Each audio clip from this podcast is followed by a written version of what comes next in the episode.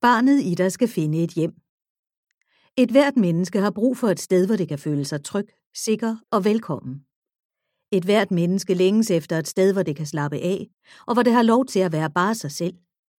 I det ideelle tilfælde var vores barndomshjem sådan et sted. Hvis vi har følt os accepteret og elsket af vores forældre, så har vi haft et varmt hjem. Vores hjem var netop det hjem, som et hvert menneske længes efter. Et hjertevarmt sted og vi har taget denne følelse fra barndommen af at være accepteret og være velkommen til os som en fundamental positiv indstilling til livet, som også ledsager os som voksne. Vi føler os trygge i verden og i det liv, der er vores. Vi har selvtillid og er også tillidsfulde over for andre mennesker. Man taler her om en grundlæggende tillid. Den basale tillid er som et hjem inden i os, for den tillid giver os et indre ståsted og en indre beskyttelse. For en del mennesker forholder det sig anderledes.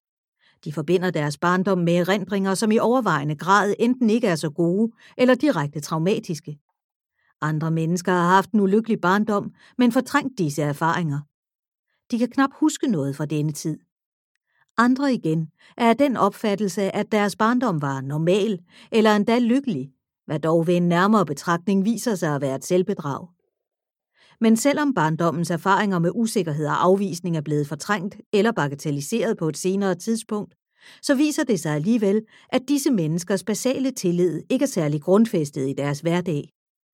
De har problemer med deres selvværd.